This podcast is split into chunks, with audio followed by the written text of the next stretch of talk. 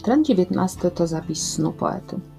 To jest jedyny tren, który ma tytuł Tren 19 albo sen. Nad ranem, gdy wreszcie przyszedł do niego hypno z bożek snu i obłapił go skrzydły czarnawemi, ukazała się Kochanowskiemu zmarła matka z Urszulką na ręku. Dziewczynka ubrana była w białą koszulkę, twarz miała rumianą, była uśmiechnięta. Spełnia się więc prośba poety skierowana do Urszulki w trenie dziesiątym. We śnie przede wszystkim przemawia matka poety. No, dziecko się nie odzywa, dodajmy, prawda? Y, matka tłumaczy synowi, że umarli są szczęśliwi, bo żyją życiem wiecznym. Tren dziewiętnasty jest konsolacją, czyli pocieszeniem, bo matka poety właśnie pociesza swego zbolałego syna. W jej relacji życie Urszulki w niebie między aniołami i duchami wiecznymi jest szczęśliwe.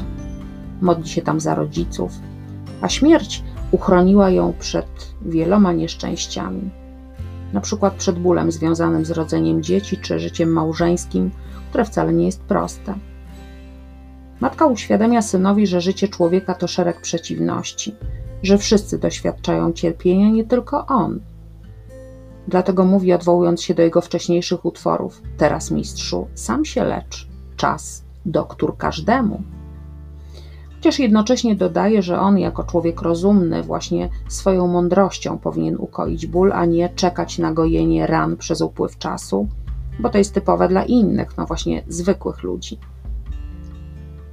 Tego się synu trzymaj, mówi matka, a nieszczęścia znoś po ludzku, bo ten sam Bóg daje człowiekowi smutek i radość.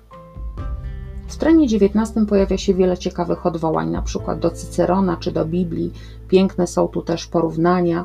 Urszulka na przykład porównana jest do wdzięcznej Jutrzenki, a jej śmierć do decyzji żeglarza, który widząc wielkie niebezpieczeństwo wraca do brzegu. Trend XIX przynosi ukojenie i stanowi dowód na powrót do wyznawanych przez poetę wartości.